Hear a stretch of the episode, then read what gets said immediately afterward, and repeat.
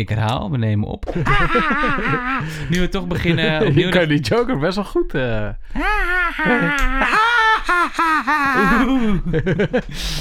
Daniel. Knal een plaatje erin. Plaatje. Hij knalt die plaatje.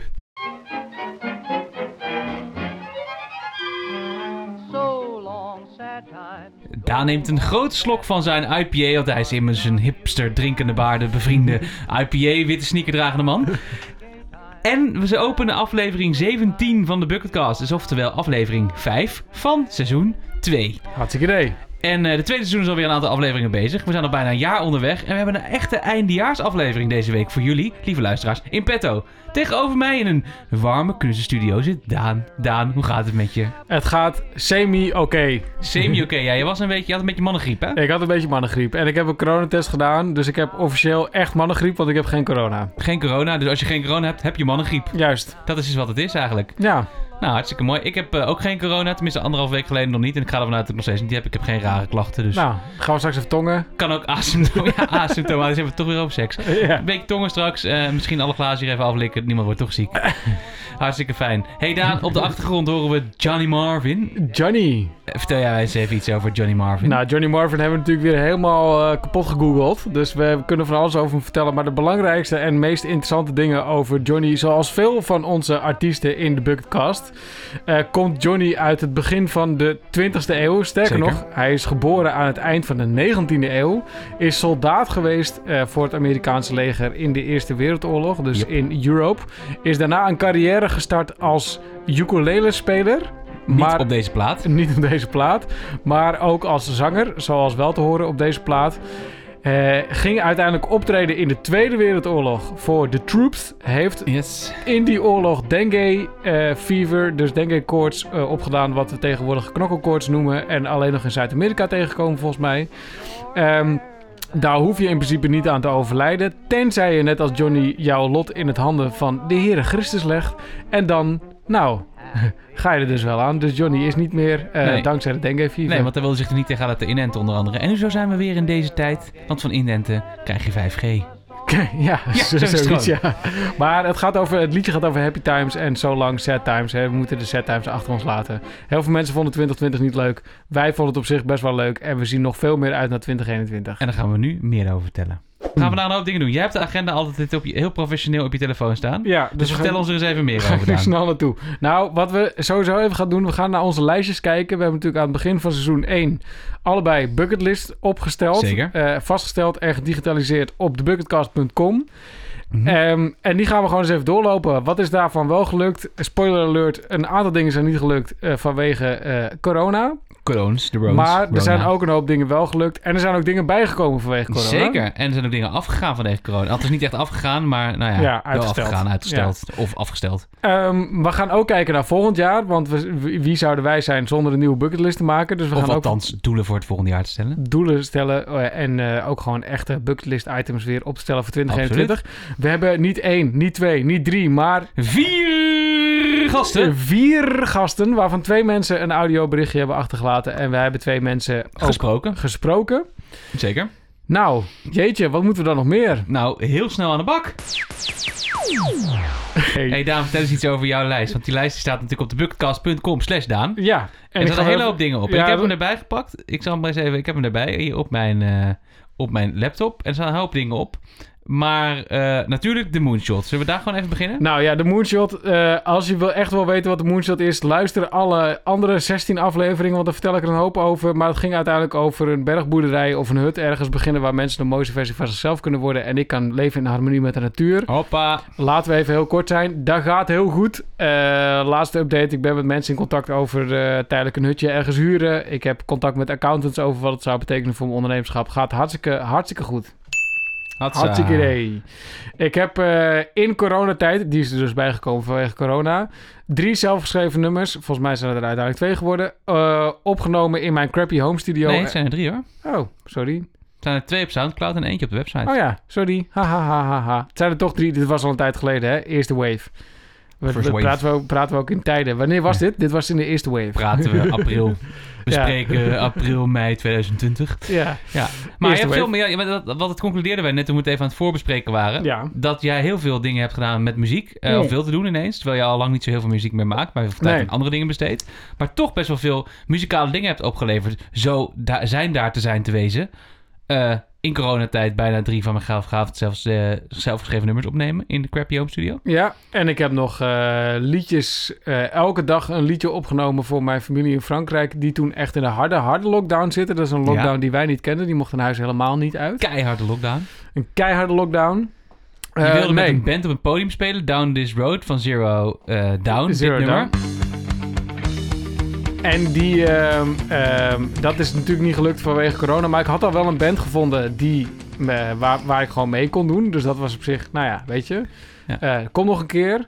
Jeetje, er stonden nog een hoop eh, andere dingen op. Ja, Veldboy zijn bij AZ, maar dat kon niet, want AZ ging niet voetballen. Nee. Dat was jammer, maar het had ook een beetje met te maken dat Kelvin Stenks niet reageerde op je tags op Instagram. Nee, dus Kelvin, als je luistert, jongen, eh, doe eens even een keertje mee. Ja, doe even leuk mee, Kel. En wat ik erg leuk vond om te doen, eh, een fantasy verhaal schrijven. Dat krijgt ook nog een vervolg in 2021. Wow, cliffhanger. What up? Ehm, maar fantasy verhaal schrijven was echt heel tof om te doen. Ik heb ook een kaart erbij getekend. Daar is het eigenlijk mee begonnen. Ik heb eerst die kaart getekend en toen een verhaal geschreven. Was Ja. echt heel tof om te doen. Mhm.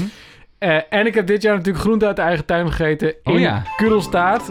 En Want nou, daar concludeerde ook dat we het daar al eventjes niet over gehad hadden, over jouw groente uit Nee. eigen tuin. Nou heeft dat te maken met het feit dat het op dit moment niet echt het seizoen voor tuinieren is. Ook daar gaat een gast van ons vandaag nog iets over zeggen. zeker. Maar Tenzij je nu boerenkool wil eten, overigens. waren de paprika's een beetje lekker? De paprika's waren heel lekker. En sterker nog, ik had mijn vader, eh, mijn lieve vader, die zei aan het begin van dit experiment... Ja, maar paprika's telen, dat gaat helemaal niet. De Kurenstaart in Nederland eh, ingewikkeld. En toen zei ik, doe mij een van je kastjes, gaat wel lukken. Nou, op een gegeven moment hadden we zoveel paprika's in Kurenstaart... dat mijn moeder van ellende er maar allerlei soepen van is gaan maken. Dus, zeg maar, Paprikasoep. ja, paprika soep was eh, overigens best lekker. Eh, er zijn ook een paar dingen niet gelukt in de tuinieren, maar ik vond echt... Dus waarom zet je dingen op je bucketlist? Omdat je denkt dat je het leuk vindt om te doen. Ik heb er heel veel van geleerd over tuinieren. Ik vond het hartstikke leuk.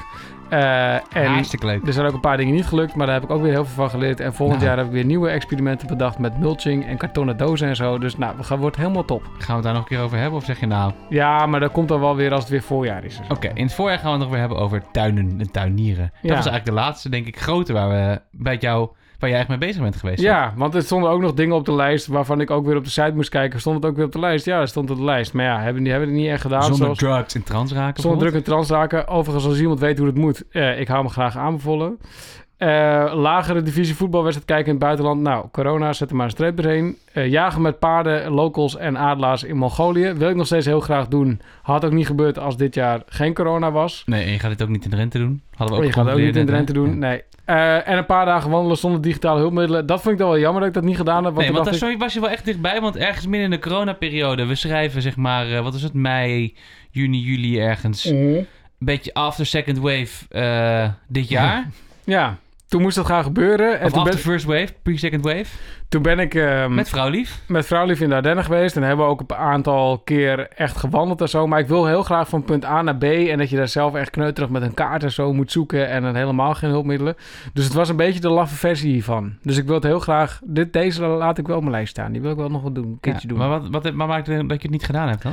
Want je Ja. was in de Ardennen, je was met vrouwlief, je had geen hulpmiddelen. Althans, je had ze wel, maar je had ze ook uit kunnen Ja, zetten. maar weet je, ik ben er ook weer iemand die gaat dan op vakantie en die denkt, oh ja, maar ik wil wel en wandelen en ik wil eh, natuurlijk eh, barbecuen daar en ik wil eh, met mijn meisje gewoon genieten en ik wil boeken lezen en ik wil fietsen, weet je wel. Dus ik had er honderdduizend dingen weer voor mezelf bedacht en dan, ja, dan schieten dit soort dingen erbij in. Zwaar. Een beetje dedication zou niet verkeerd zijn. Maar de leerlessen van Hoofd, daar komen we straks nog wel op. Daar komen we zeker nog op. Dus even een update van je lijst. Best wel veel geproduceerd. Zeker. Welk cijfer geef jij jouw bucketlist jaar? Ik zou het gewoon een dikke 10 geven. Hoppa! En daarom krijg jij van een groep kinderen een applaus.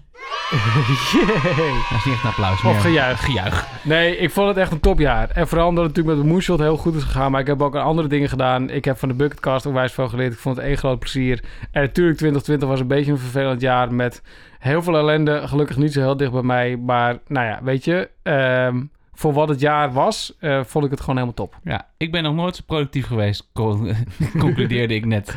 Nee, dus als we alle afleidingen eraf halen, dat is eigenlijk misschien wel een goede conclusie. Als we alle afleidingen eraf halen, dan gaan wij een keertje echt doen wat belangrijk is. Ja, dan ga je pas echt nadenken over wat je echt wil. Ja. Zal ik ook wat vertellen over wat ik dit jaar allemaal gedaan heb? Kom maar door.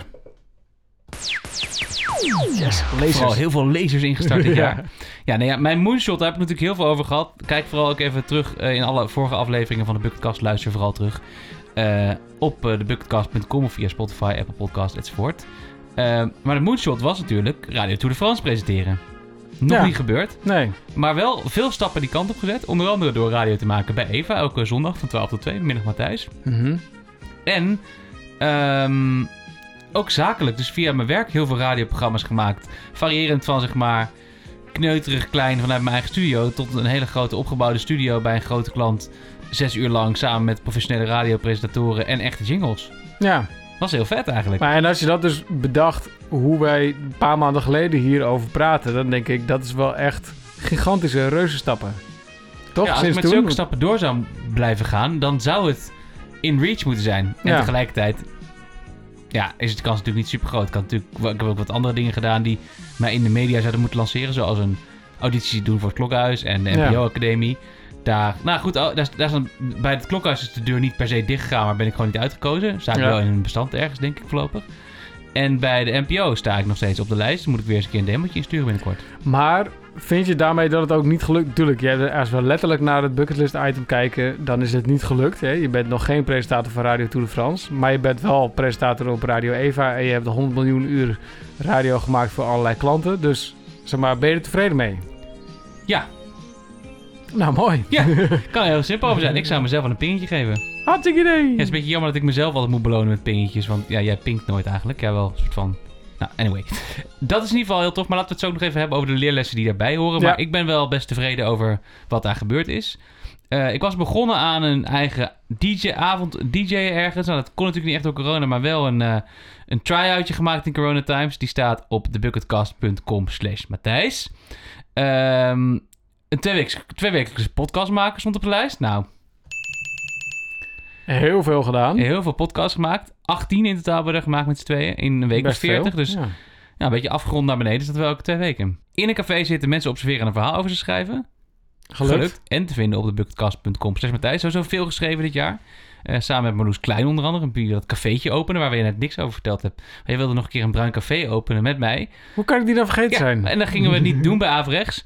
Dat gingen we toen niet doen bij Averechts. Nee. Eh, toen hebben we een virtueel café geopend. Daar heb ik Marloes Klein herleren kennen. En toen hebben we nog heel veel samen geschreven in de coronatijd. Dat was ook heel leuk. Ja. In de first wave. ik Café zeggen. Averecht staat trouwens bij ons allebei op de lijst. En dat, dat komt nog. Dat komt nog, want volgend jaar is Café Averechts hopen we weer open. En anders openen wij zelf een Café Averechts. Hartstikke idee. Had ze flats. Eén ding wat echt niet gelukt is. En dat is? Het symfonieorkest dirigeren. Oeh, die was ik alweer bijna vergeten. Nou, ik niet. Dat was wel een beetje de, de Tory van de eerste paar weken ja, eh, was in de echt super close, but yet so fucking far away. ja, was echt heel dichtbij. Mensen waren enthousiast. En toen was het voorgelegd aan het bestuur. Voor de mensen die nog willen weten hoe dat ging, luister even aflevering 1 en 2. Ik had gebeld met de dirigent. Dirigent blij, Matthijs blij. Ik dacht, hé, hey, daar gaan we. Kat in het bakkie. Matthijs gaat een symfonieorkest dirigeren. Franke met zijn stokkie, helemaal, in de, helemaal klaar voor. Frank met zijn stokkie. Maar, ehm, nou ja, toen dus niet. Nee. Want degene die, die de dirigent was, die moest het even voorleggen aan het bestuur. En het bestuur zei, nou nee. Maar hebben ze jou ooit verteld waarom niet dan? Ja, en van een bullshit reden. Over hij heeft geen ervaring of zo. Hij heeft geen ervaring, weet niet. Geen conservatorium. Nee, Lekker belangrijk. belangrijke opleiding. Boe.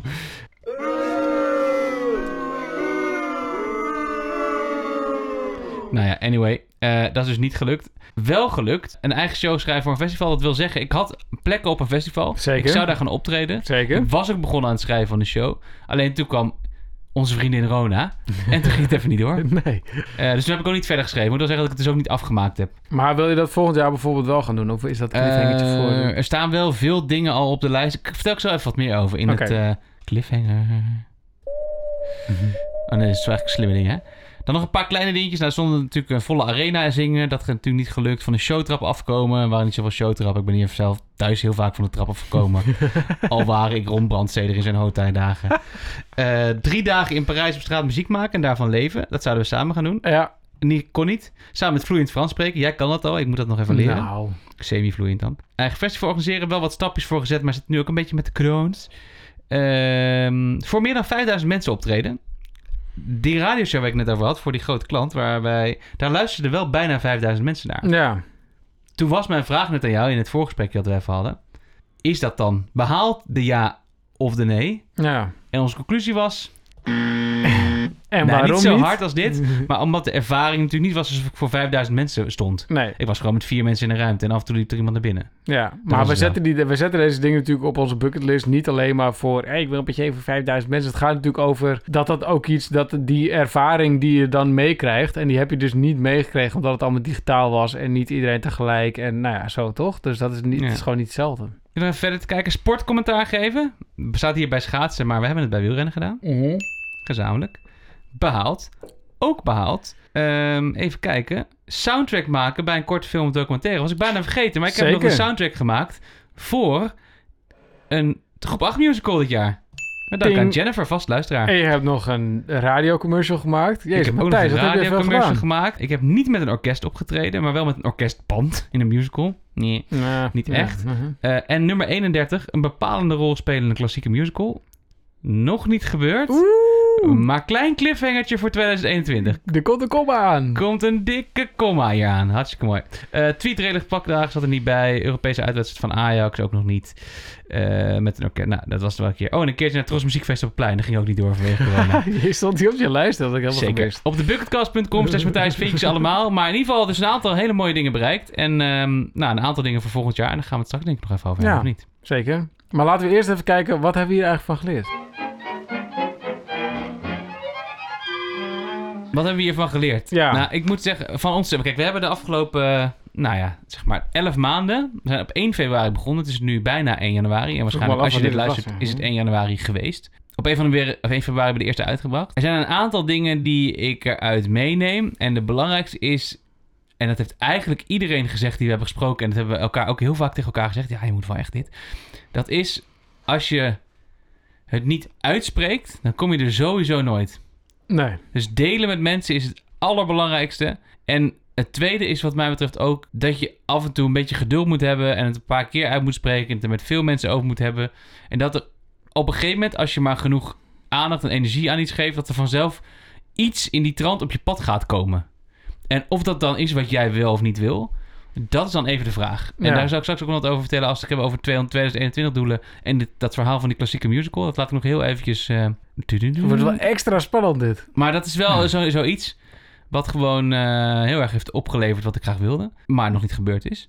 En dat geldt eigenlijk ook wel een beetje voor de radiodroom. Dus kijk, ik dacht eerst natuurlijk, ik moet meteen Radio Tour de France presenteren. En ik had zelf in mijn achterhoofd ook nog ergens, nou, als ik dit nu zeg, dan eh, in de zomer zit ik erbij. Hmm. Niet waar, wel veel geluisterd. Ehm, maar ik denk wel dat ja, alles wat ik heb gedaan de afgelopen jaren heel erg gebeurd is. Omdat ik dacht, ja, ik ga gewoon ervoor staan en ik ga er ook actie op ondernemen. Ja. Dus dat is wel eh, mijn grootste leerles. Ik denk ook in aansluiting erop, we hebben natuurlijk een hoop gasten gehoord. Eh, we hebben een hele hoop mensen geïnterviewd die echt de meest uiteenlopende dingen hebben gedaan. Zoals het Noorderlicht zien en dan via het, eh, een bijrol Oh ja. als een elf op een eh, wereldkampioenschap kerstman of wat was het ook weer. Ja, ja, Elroy. Elroy van Expeditie Robinson. Eh, we hebben mensen gehad, eh, zoals Thomas, die in, uiteindelijk in Georgië zijn beland omdat hij in de bergen wilde wonen. Arjan, die een keer uit het corporate leven gevlucht is met een one-way ticket to Sydney, die nu in Dar es, Dar es Salaam woont. Boekenschrijvers. Boekenschrijvers. Laura die een boek schreef. Ja, dus we, we hebben een hele hoop, een hele grote variëteit van mensen gesproken. We spreken straks ook nog een paar mensen. Zeker. En eigenlijk heb ik van die mensen heel erg geleerd. En daar had ik vooraf echt nooit bij stilgestaan. Dus alleen daarom ben ik de Bucketcast en al die mensen al dankbaar. Is dat, dat eh, inderdaad is dat uitspreken, maar dat openstaan voor de vorm. Ja, Ehm, en ook gewoon doen. Dus heel veel mensen zijn op een gegeven moment ook gewoon dingen gaan doen. En wij zitten dan heel vaak in die gesprekken een beetje door te vragen over... ja, maar wat was dan het moment waarop je dan echt dacht van... oh, spannend, dit, dat. Maar eigenlijk voor heel veel van die mensen... dan moeten ze... het is dat wij ernaar vragen... want anders hadden ze dat me- moment niet eens heel scherp voor ogen hadden. Zo, dat ze, sterker nog, er is geen moment. Heel dus- vaak... Nou, niet altijd, maar Nou, vaak dus, niet. dus nee. vaak een moment, maar in ieder geval in het, in het moment besef je niet dat dat het moment is. Nee. Maar heel veel mensen zitten ook gewoon in het proces dat ze ergens een keer gaan glijden. En er is niet een soort van, het is niet een soort van ski, hè? Dat je een Nee. beetje aan het glijden bent en, En in één ineens keer ben je hop, los. Ja. ga je bij los. Maar het blij- je blijft maar gewoon doorglijden en ineens ben je... Het is een beetje opstijgen met een vliegtuig. Hè? Ja. Je, blijft, je, je gaat heel hard rijden en op een gegeven moment trek je die neus een beetje omhoog. En je hebt niet En eens door dat je aan het vliegen bent. Nee, je bent niet eens door dat je aan het vliegen bent totdat je ineens aan het vliegen bent. Ja. En dat, en dat vind ik zo mooi dat al die mensen, dus want je kunt je van, dus ik heb er heel veel van geleerd dat je van tevoren heel, helemaal kapot kan filosoferen over hoe het allemaal zou kunnen zijn en helemaal kan gaan uitzoeken. trouwens met eh, de filosoof Zeker. Marlin. Merlin, En we hebben ook nog eh, gekeken of we er gelukkig van worden met een geluksonderzoeker, Ad.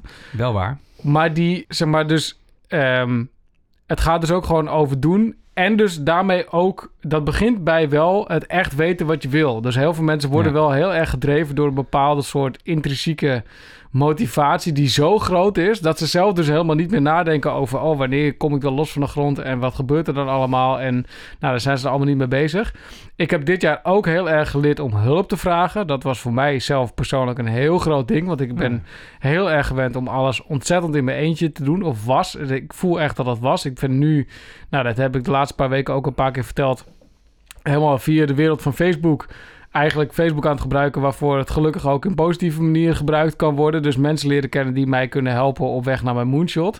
En het gaat echt te gek, want ik spreek allemaal mensen die mij helemaal niet kennen, maar me wel willen helpen. En dat is gewoon helemaal, eh, helemaal mooi. Ehm, en, en, en misschien nog wel de grootste leerles die ik helemaal niet zag aankomen. Dat verhaal over die privileges. Dat blijft Oh, toch ja. wel... Hè, dus Eva en uiteindelijk een nichtje van jou die ons op dat spoor heeft gezet. En we zijn nog wat andere mensen tegengekomen. En gisteren zag ik dan ook weer op televisie, of op de Radio 1 was dat, sprak eh, de voorzitter van eh, Vluchtelingenwerk Nederland. En die zei bijvoorbeeld dat er 80 miljoen mensen op deze eh, wereld op dit moment eh, displaced zijn. Dus er zijn 80 miljoen mensen op deze wereld zijn op dit moment vluchteling. 80 miljoen. Goh, Zou ik nog een keer zeggen? 80 miljoen. dat is echt heel veel Dus- mensen. Zeg maar, om alles even in perspectief te zetten. En Maarten Korts, die dus af en toe eh, heel lieve columns voor ons inspreekt... Die, die prikt daar natuurlijk ook af en toe een beetje in... met de babaarden en de witte sneakers en de IPA-drinkers. En dat zijn we natuurlijk ook gewoon. Maar dat heeft mij dus... speak een IPA aan drinken. Zeker. En ik heb... Nee, we hebben allebei geen witte sneakers aan.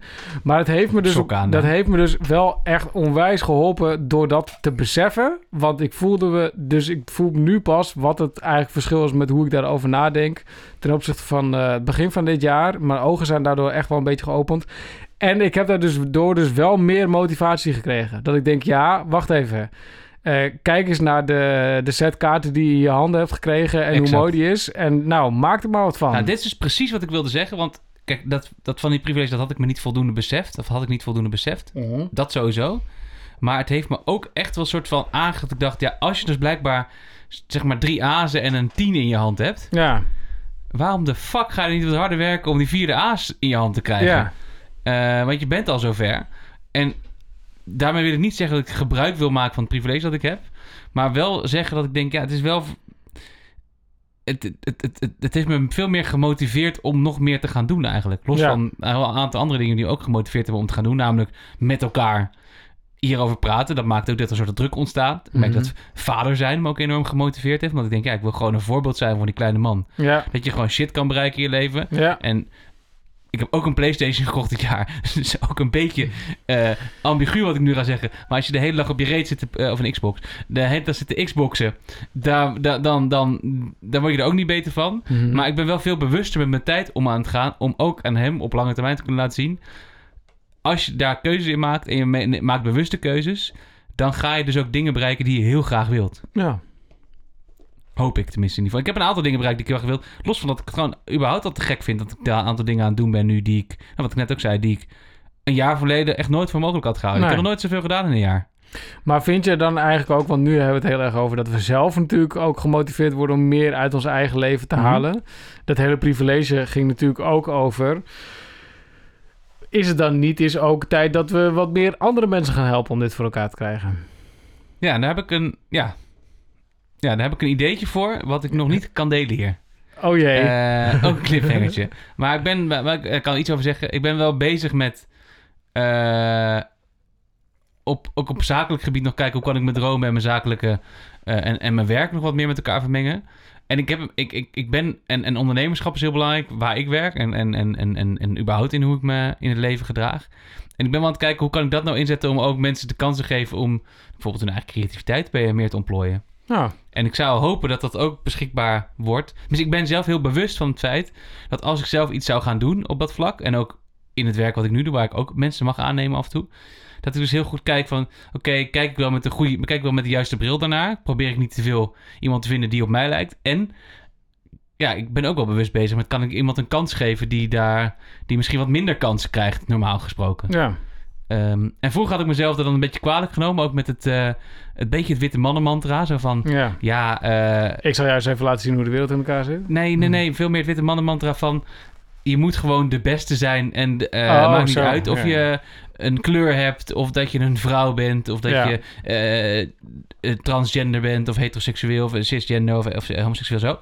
En nu ben ik eigenlijk wel heel erg bewust bezig... want ik denk, het is ook gewoon voor, de mens, voor mijn eigen geluk op werk... beter als ik met heel verschillende mensen ben. Ja. En het is gewoon... Het gaat helemaal niet over of iemand beter of minder goed is. Want iedereen die ik spreek is vaak heel erg goed. Zeker. Dus fuck dat, weet je wel? Ja. Maar goed, dus, dat is, dus ik ben daar wel bewust mee bezig. Ook in het ontwikkelen van eh, wat ik doe en, en de dingen die ik hierna wil gaan doen. Zo. Dus, dus ja. En nu jij het zo zegt, dacht ik, het is wel een goede om er even bij te benoemen. Dat dat ook wel heel erg, Ja. heel erg heeft gedreven. Ook, maar ook, dus ook, ook, voor, ook gewoon wel echt voor mezelf. Dat ik denk, ja, je hebt nou helemaal zo fucking... Dat is wat ik tegen ehm, onze gasten toen ook zei. Van ja, het heeft me ook wel gewoon een beetje pijn gedaan. Ik denk, ik heb zoveel, zoveel privileges en dan krijg ik het godverdomme gewoon niet eens voor elkaar, weet je wel? Nee, ja, zeker. Slappe zak. Hey, en moeten wij, dat, dat is misschien nog wel iets, hoeven we nu geen antwoord op te geven, maar moeten wij misschien niet met de Bucketcast ook wat meer gewoon andere mensen, want we hebben nu heel veel geleerd over je dromen waarmaken. Ja, Moeten wij niet gewoon wat andere mensen gaan helpen daarmee? Nou ja, ik zou er wel kunnen we eens over nadenken. Ik ben wel benieuwd. Als jij hier naar luistert en je denkt, nou ja, goh, Ja. ik zou wel eens een keer hulp bij eh, willen gebruiken. Ja, En jullie hebben er blijkbaar verstand van. Is niet helemaal ware mensen, maar we doen in ieder geval alsof. Laat Nou me ja. even weten. Ik zou het wel leuk vinden om er met mensen van gedachten over te wisselen hoe dat dan zou werken. Dit Ik- komt nu in ons op, hè, mensen. Dus het is niet dat we eh, nu een soort van businessplan aan het pitchen zijn aan jullie. en dat we straks gesponsord worden door, eh, weet ik niet welk merk hierbij hoort. Kunnen ze wel even bellen trouwens. Oeh. Nou, anyway, wil je het sponsoren? Ja. Eh, nee, dat. Ja. Nee, maar wil je geholpen worden of heb je een idee hoe wij andere mensen kunnen helpen? Laat het ons weten. Via debucketcast.com slash contact. Of via instagram.com slash debucketcast. Ja. Slijt ons in die DM. Yes. Zo zeg je dat helemaal niet. Nee, slide gewoon in de DM. Slijt in de DM's. Stuur een mailtje. eh, ga naar de website. Ik, zat, ik heb één agendavoorstelling trouwens. Ja. Zullen we dat vooruitkijken even helemaal aan het einde doen? Ja, Gewoon, wat zou je dat doen dan? Doe nu interviews. Ja, we hebben twee gasten namelijk. Vier. Vier gasten, ja. Maar twee zijn echt de gast. Ja. En twee, zijn eigenlijk luisteraars, waar we zo meteen ook nog even over gaan hebben, die ook iets met ons willen delen, toch? Ja. Dat is eigenlijk wat het En is. welke volgorde gaan we er doen? Dit is allemaal... Eerste gasten. Eerste gasten. Gasten. Oké. Zullen we Beginnen we? beginnen met eh, dames eerst? Dames eerst. Dames eerst. Madelon. Mooi verhaal van Madelon. Wij kennen Ja. Madelon allebei, omdat we met haar hebben samengewerkt eh, in verschillende vormen. Mhm. En Madelon heeft in coronatijd eigenlijk iets kleins gedaan. En wij dachten, nou ja, jij dacht eigenlijk... Het is mooi om ook eens wat kleinere dingen te laten horen dan alleen maar... Nou, daarom zijn we nu ook begonnen met die hele lijst. Niet alleen maar met die moonshots. Ja. Ehm, maar het is mooi om wat kleinere dingen te laten horen. Om ook te laten horen dat... ehm, keuzes soms op je pad komen omdat de situatie daarom vraagt, denk Ja. ik. En omdat bucketlisten niet alleen maar gaat over parachutespringen. Nee, niet alleen maar parachutespringen. En ook niet alleen maar over rammend mooie dingen voor jezelf doen. Dat is ook wel... eh dan geef ik al een beetje weg waar, wat ik eruit gehaald heb. Maar misschien niet moeten we uit. er gewoon even naar gaan Kom maar door. Hatsa.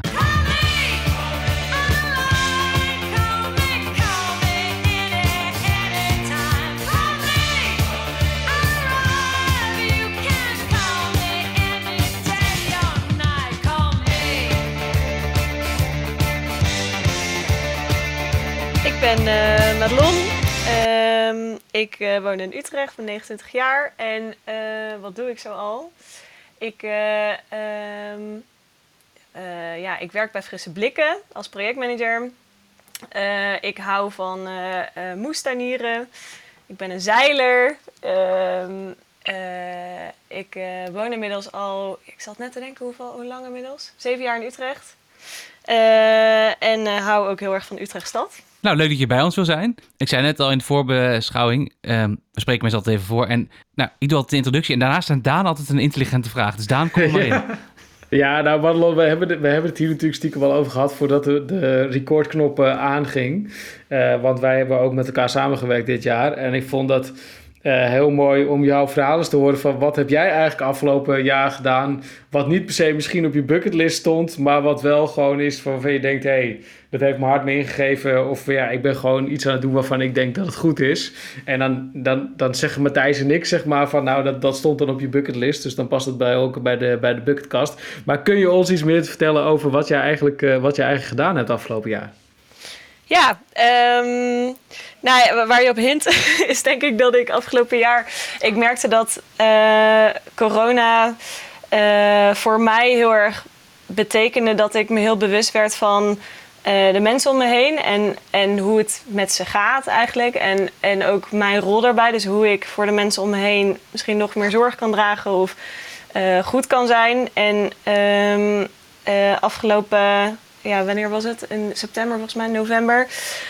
Toen werd mijn eh, eh, opa ziek. En mijn opa en oma die zijn eh, nog bij elkaar. Die zijn inmiddels 88 en 89. En ehm, mijn oma is al enige tijd dementerend.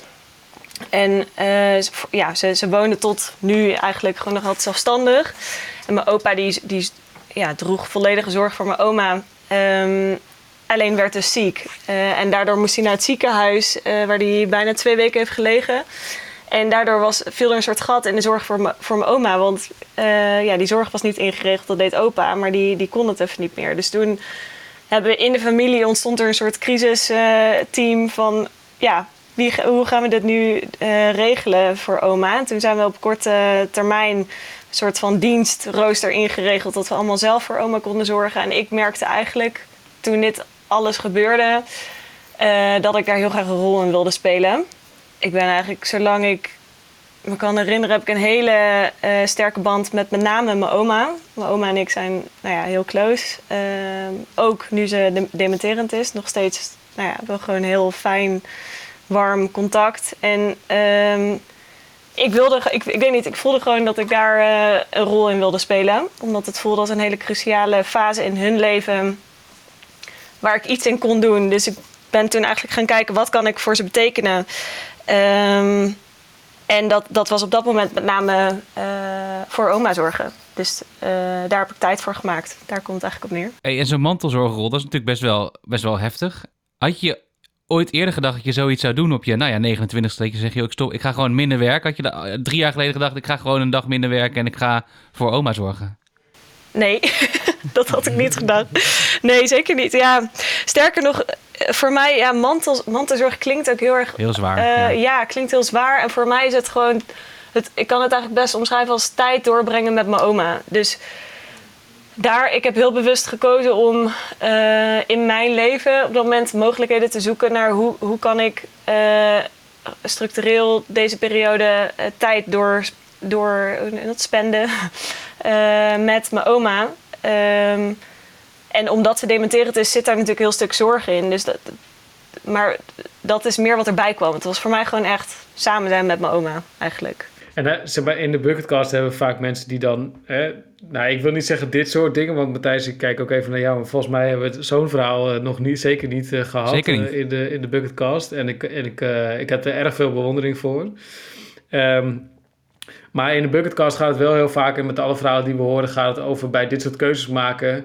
Eh, moet je ook heel vaak be- belangen afwegen. Hè? Dus ik kan me voorstellen dat in jouw geval dat je dan denkt, ja, oké, ik kan een dag minder gaan werken. Maar ook even gewoon even onder de streep betekent dat ook minder geld, minder projecten doen. Eh, ja, weet ik veel. Misschien denk je wel na over het vervolg van je carrière. Nou, geen idee. Dus kun je ons ook eens vertellen, zeg maar, was het voor jou een dilemma of was het gewoon, ja, klip en klaar, ik wil dit gewoon doen, dus ik ga het gewoon doen? Ehm, ja, was het een dilemma?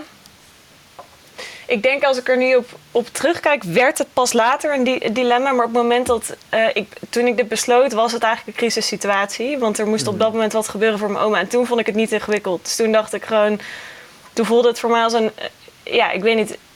Het voelde heel helder van oké, wat vind ik nu belangrijk? Ik vind het heel belangrijk dat mijn oma op een waardige manier nu kan gewoon nog kan leven. En, en eh, kan ik daar een rol in spelen? Ja. Hoe ga ik dat doen? Ja, toen ben ik gewoon gaan kijken hoe ik dat kon gaan doen. En Ja. dus toen vond ik het niet moeilijk. Maar pas later, als je dan inderdaad merkt... oh ja, dat heeft wel effect op mijn salaris. eh, oh ja, dit, is, dit betekent wel... de- gewoon, dan moet je het ook gaan regelen. En dan voel je iets meer de consequenties van die keuze. Maar, maar de keuze maken zelf vond ik niet, eh, heb ik niet ervaren als een dilemma. Denk je dat, want we hebben het, we hebben het natuurlijk ook veel met allerlei dromenjagers. En als dit natuurlijk niet echt een droom, maar een soort van eh, dingen doen eh, die goed voor jezelf voelen. Mensen hebben het natuurlijk ook over, ja, wa- wat is nou de drempel die je, die, of de, wat is nou hetgeen dat je de drempel overtrekt? Nou, bij jou is dat dus klaarblijkelijk de crisissituatie. Denk je dat er zoiets soms ook nodig is om gewoon zo, nou, toch een relatief rigoureuze keuze te maken? Ja. Eh, ja, dat denk ik wel. Voor mij was dat zeker zo. Want nu, ik er, als ik erop terugkijk, denk ik... ik ben super blij dat ik dit heb kunnen doen. En ik, ik zou het eh, zo weer doen. Ehm, maar ik had wel de crisissituatie nodig om die keuze te maken. Dus dat zette mij wel even op scherp. eh, en bracht mij zelf meer in contact, denk ik, met wat ik belangrijk vind. Om mijn tijd aan te besteden. Heeft het nou ook gevolgen voor wat je nu hierna... Want eh, doe je, je doet het nu niet meer, zei je? Nee, dat komt omdat ze op dit moment eh, in quarantaine zitten en Ja, dat ze hebben corona. Ja, dus op dit moment gaat het niet. Dus het is een beetje afwachten hoe de situatie nu verder verloopt. De- ja, dus maar stel dat in het nieuwe jaar zou dit eh, nodig zijn, dan zou ik dat heel graag wel willen blijven doen. Ja. Denk je dat dit ook op langere termijn consequenties heeft voor, nou ja, misschien wel wat je wil doen in het leven? Heeft dit je ook op andere gedachten gebracht? Ehm, Niet Ja, dat je nu ik- denkt dat je verpleegster wil worden of zo, weet je wel. Dat kan natuurlijk ook, maar... Nee, dat denk ik. Kijk, het, het heeft voor mij niet ehm, iets gedaan met, met wat ik aan werk wil doen of zo. Dus eh, als, het heeft voor mij wel echt te maken met als er mensen zijn van wie ik hou, dus mensen in mijn eigen omgeving, als, die, als daar iets mee gebeurt waar, die, ja, waardoor ze extra zorg nodig hebben of extra tijd, dan, dan vind ik het zelf dus wel heel belangrijk en fijn om daar dus tijd voor te creëren. Dus in die zin, dat zou ik zo weer doen als er een nieuwe situatie zou zijn die dat, ja, eh, waarin dat nodig zou zijn. Maar het heeft voor mij niet iets gedaan dat, ja, je weet niet hoe het loopt. Stel mijn opa en oma zouden overlijden, dan ga ik denk ik gewoon weer terug naar werken. Want dat, dat, daar, was, dat, daar was ik ook happy mee. Ehm, ja, dus het heeft voor mij meer te maken met de mensen in mijn omgeving. Als daar iets, als daar iets in die situatie zou veranderen, dan, dan zou ik dat zo weer doen. Ja. Mooi verhaal, Madelon. En ook mooi zo rond de war donkere dagen. Nou, het is dan na kerst, maar wel een mooi verhaal van... eh, ja, het is het is wel een heel stichtelijk woord dat ik nu gebruik. Een naaste liefde.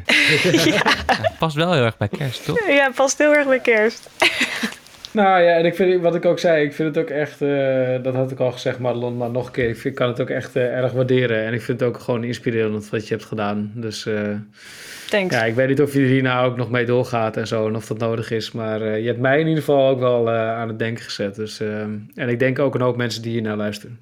Madelon dus. Ja, nou wat leren wij ervan, Matthijs? Nou, ik had het van tevoren al een beetje gezegd. Hè. Ik haal er wel echt uit dat het...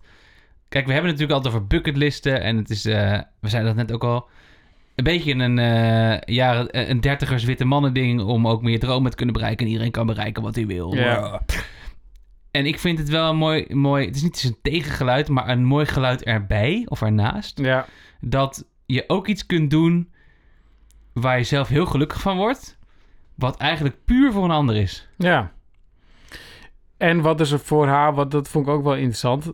Dus toen wij een beetje begonnen door te vragen over wat is het dilemma dan en waar denk je dan over na en wat moet je dan inleveren, dat ze eigenlijk in het moment zelf daar helemaal niet over na heeft gedacht. Helemaal niet, hè? En dat is gewoon van ja, dit voelt gewoon goed, dus ik ga het ook gewoon doen. Ook weer een beetje leerlessen van al onze andere gasten eigenlijk hiervoor. Hè? Als je intrinsieke motivatie maar groot genoeg is, dan gaan die dilemma's vanzelf opzij. Ehm, Maar Yves, je bent gewoon ook een knettermooi mens als je dit doet. ja, zeker. Ja. Dat vind ik ook. En daarom heb ik ook eh Madelon een klein beetje zitten pushen dat ze gewoon in de bucketkast moet. Dus bij deze. Ja. Thanks Madelon. Veel fijn dat je het ons wilt vertellen. Ik, zeker. we kunnen er heel veel woorden aan vuil maken. Maar het is wel... Het is op zichzelf gewoon zoiets moois, vind ik. Ja. Dat mensen ook voor zichzelf maar even moeten bedenken... Wat betekent dit voor mij? Ik, eh, ik- ja, Nou, en wat ik ook mooi vind aan Madelon is dat ook, zeg maar, er zijn niet zo heel veel mensen die dit van haar weten. Weet ik dan Mm. weer. En ik vind het ook mooi dat bijvoorbeeld niet eh, alles dan ook gelijk bijvoorbeeld op Instagram moet of zo. Weet je wel? Ja, maar nu maken wij er natuurlijk wel weer een ding van. Dus sorry daarvoor. Maar ehm, eh, ik vind het ook wel mooi. Zij, zij loopt er ook niet mee te kopen of zo. Weet je wel? Dus het is ook niet. En dat hoeft natuurlijk ook helemaal niet. Maar er zijn genoeg mensen die dat natuurlijk wel doen. Dus die een soort iets goeds doen voor de wereld. En dan is ze zeggen van.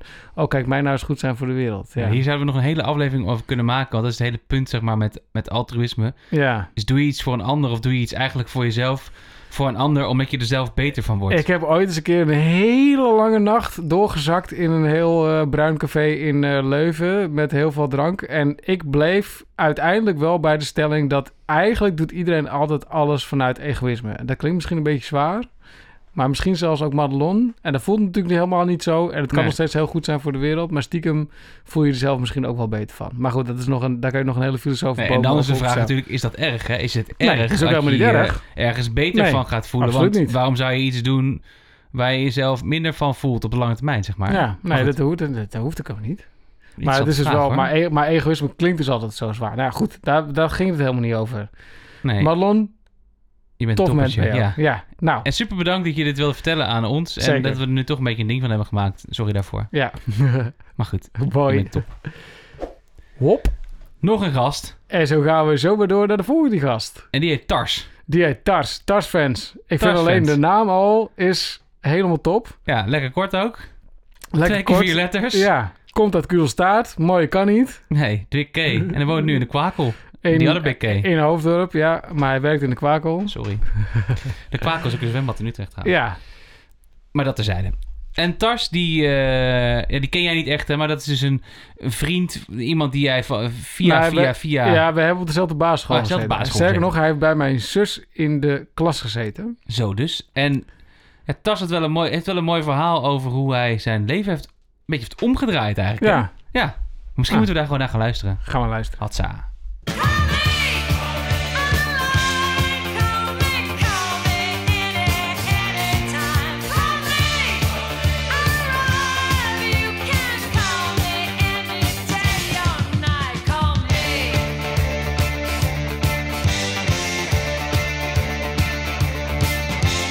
Tars, goedenavond. Ja, goedenavond jongens. Leuk dat je er wil zijn. Kun je even kort vertellen wie je bent en, eh, en wat je nu doet? Ja, ik ben, eh ik ben eh, Tars Vens. Eh, ik ben eh, vader van eh, drie kinderen, getrouwd met Eva. En eh, op dit moment werk ik eh, drie dagen in de week eh, werk ik, eh, bij een eh, grondwerkersbedrijf in de Kwakel.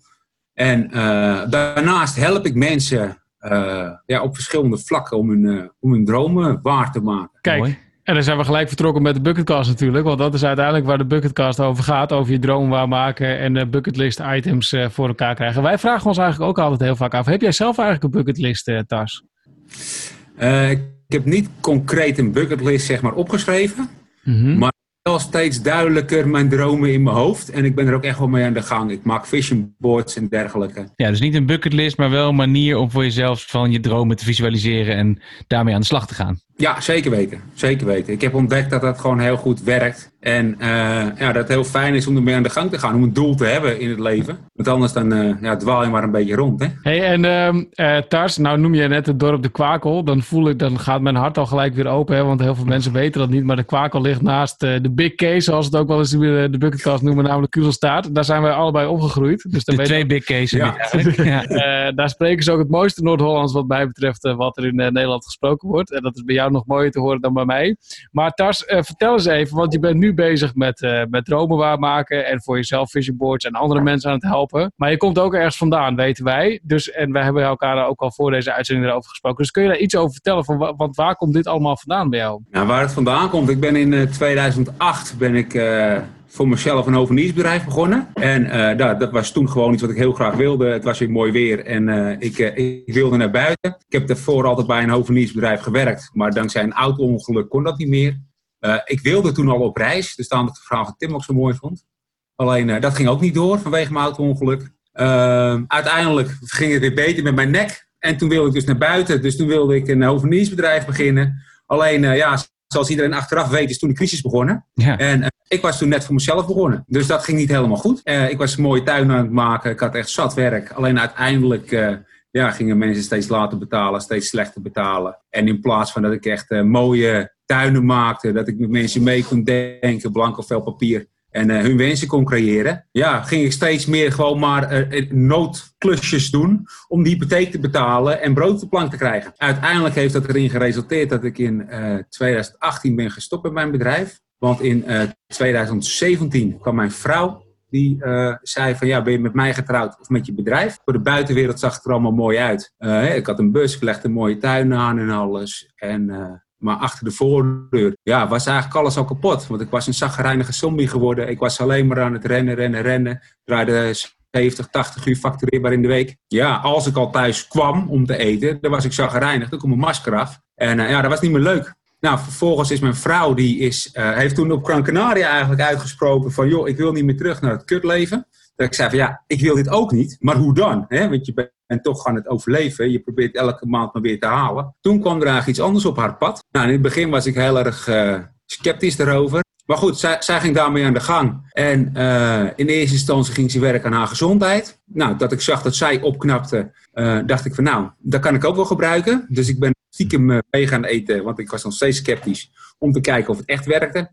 Nou, dat werkte goed bij mij. En vervolgens hebben we dus een, een reset gedaan, allebei. Zij wilde dat heel graag doen. Ik vond het nog steeds belachelijk. Ik zeg, als je gezond wil worden, moet je kom maar zitten en rondjes rennen. Hij wilde het graag doen. Ik zeg, dan doe ik mee. Ik zeg, dan zijn we gelijk klaar met die onzin. Nou, het resultaat was dat ik dus eh, eh, 15 kilo was afgevallen. Eh, sindsdien heb ik geen last meer van de pollen. En eh, ook niet meer eh, van eh, mijn longmedicatie. Dat heb ik niet meer nodig. Dus ik voelde me een stuk beter. Maar ik voelde me vooral ook een stuk helder in mijn hoofd. Dus ik kon er weer een stuk meer tegenaan. En vanaf dat moment ging ik heel langzaamaan, kwam ik in een andere wereld terecht. Waar mensen het hadden over dromen. Dat ze zeiden, ja, maar wat wil je nou eigenlijk echt? Ja, wat wil ik echt? Ik wil vanavond weer kunnen eten en ik wil niet mijn huis uitgezet worden. Alleen gaandeweg ben ik er meer over na gaan denken. Ben ik een aantal mensen tegengekomen, mee gaan praten. Ben boeken gaan lezen, podcasts gaan luisteren en dingen om gewoon wat meer te verruimen. Ja, toen ben ik erachter gekomen dat als je weet wat je wil in je leven, dat je gewoon een stuk verder kan komen. Nou, gaandeweg ben ik ook eh, andere mensen gaan helpen daarmee. Zo zijn we nu waar ik nu ben. Op dit moment werk ik nog eh, drie dagen in de week eh, dus eh, in de kwakel. En voor de rest ja, werk ik vanuit huis of vanuit waar ik maar wil zijn. Liefst zit ik eh, met iemand in een cafeetje. Maar en is dat, want het, ik, vind het, ik zit er sowieso met, eh, met grote oren te luisteren, want het is natuurlijk al een heel verhaal. Maar is dan, nu, is dan nu ook je ingang dat je denkt van, als je bezig wil met je dromen realiseren of een betere versie van jezelf worden, begint dat dan ook bij het fysieke? Want ik hoor bij jou en ook volgens mij bij je vrouw een hele grote ingang, zeg maar, dat die reset ook komt door eerst gewoon goed fysiek voor jezelf te zorgen. Ja, zeker. Zeker. Eh, maar ik denk dat dat voor iedereen anders kan zijn. Ik denk wel dat de basis is natuurlijk, je moet goed zijn. Hè? Als je goed zorgt voor jezelf, dan kan je anderen gaan helpen. En voor mij was dat dus die stap, want ik ben in jaren stress en eh, ellende, ben ik pas op dat moment echt voor mezelf gaan zorgen. Ik noemde mezelf daarvoor, ja, ik ben een bier drinken, de barbecue, om de bouwvakker. Alleen, ja, en gezond was het niet. Hè, ik zat ruim boven de 100 kilo. Ik ben op een gegeven moment wel wat meer sporten op gaan pakken, omdat ik dacht van ja, ik moet wat sporten. En met die reset ben ik erachter gekomen wat goed is voor mijn lijf. En dat is heel belangrijk. Is er een moment geweest, in, zeg maar, dus, dus dit is niet van de een op de andere dag gebeurd, vertelde je al. Je was er ook best wel sceptisch over, vertelde je. Wat ik me goed kan voorstellen als je een, eh, zoals je zelf omschrijft, bierdrinkende, barbecue in de bouwvakker bent. en er komt in één keer iemand met, eh, ja, je moet eh, anders gaan eten en anders gaan leven en dan komt het allemaal goed. Is er een moment Ja. geweest waarvan je dacht, of waarvan je nu nog denkt, ah, dat, was, dat was het omslagpunt, of gaat dat dan gaandeweg? Nou, zeker, weet ik, was het een omslagpunt.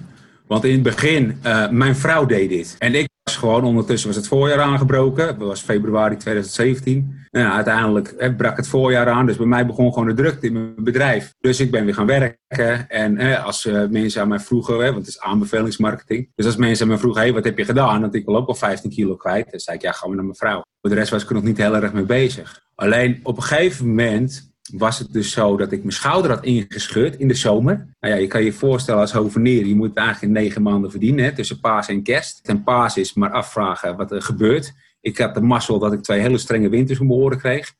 Dus dat eh, viel niet mee in de tuinaanleg. Maar op een gegeven moment had ik dus in de zomer van 2018 had ik mijn schouder ingescheurd. Gelukkig had ik mezelf verhuurd aan een bedrijf als ZZP'er. En die wilde me er graag bij houden vanwege mijn kennis. Ik kon de jongens, ik kon de opdrachtgevers. We waren aan het werk voor de gemeente. Ik kon de buurtbewoners. Dus ik was daar nodig. Ook niet fysiek. Alleen voor de rest kon ik geen winterbuffer maken. Want zoals ik eerder vertelde, 70, 80 uur in de week draaien om dus maar die winterbuffer vol te maken. Ja, dat ging En op dat moment belde er een... Ik had eerst een filmpje gekeken van Tony Robbins. Nou ja, super gaaf vind ik hem. Is echt een inspirator voor mij.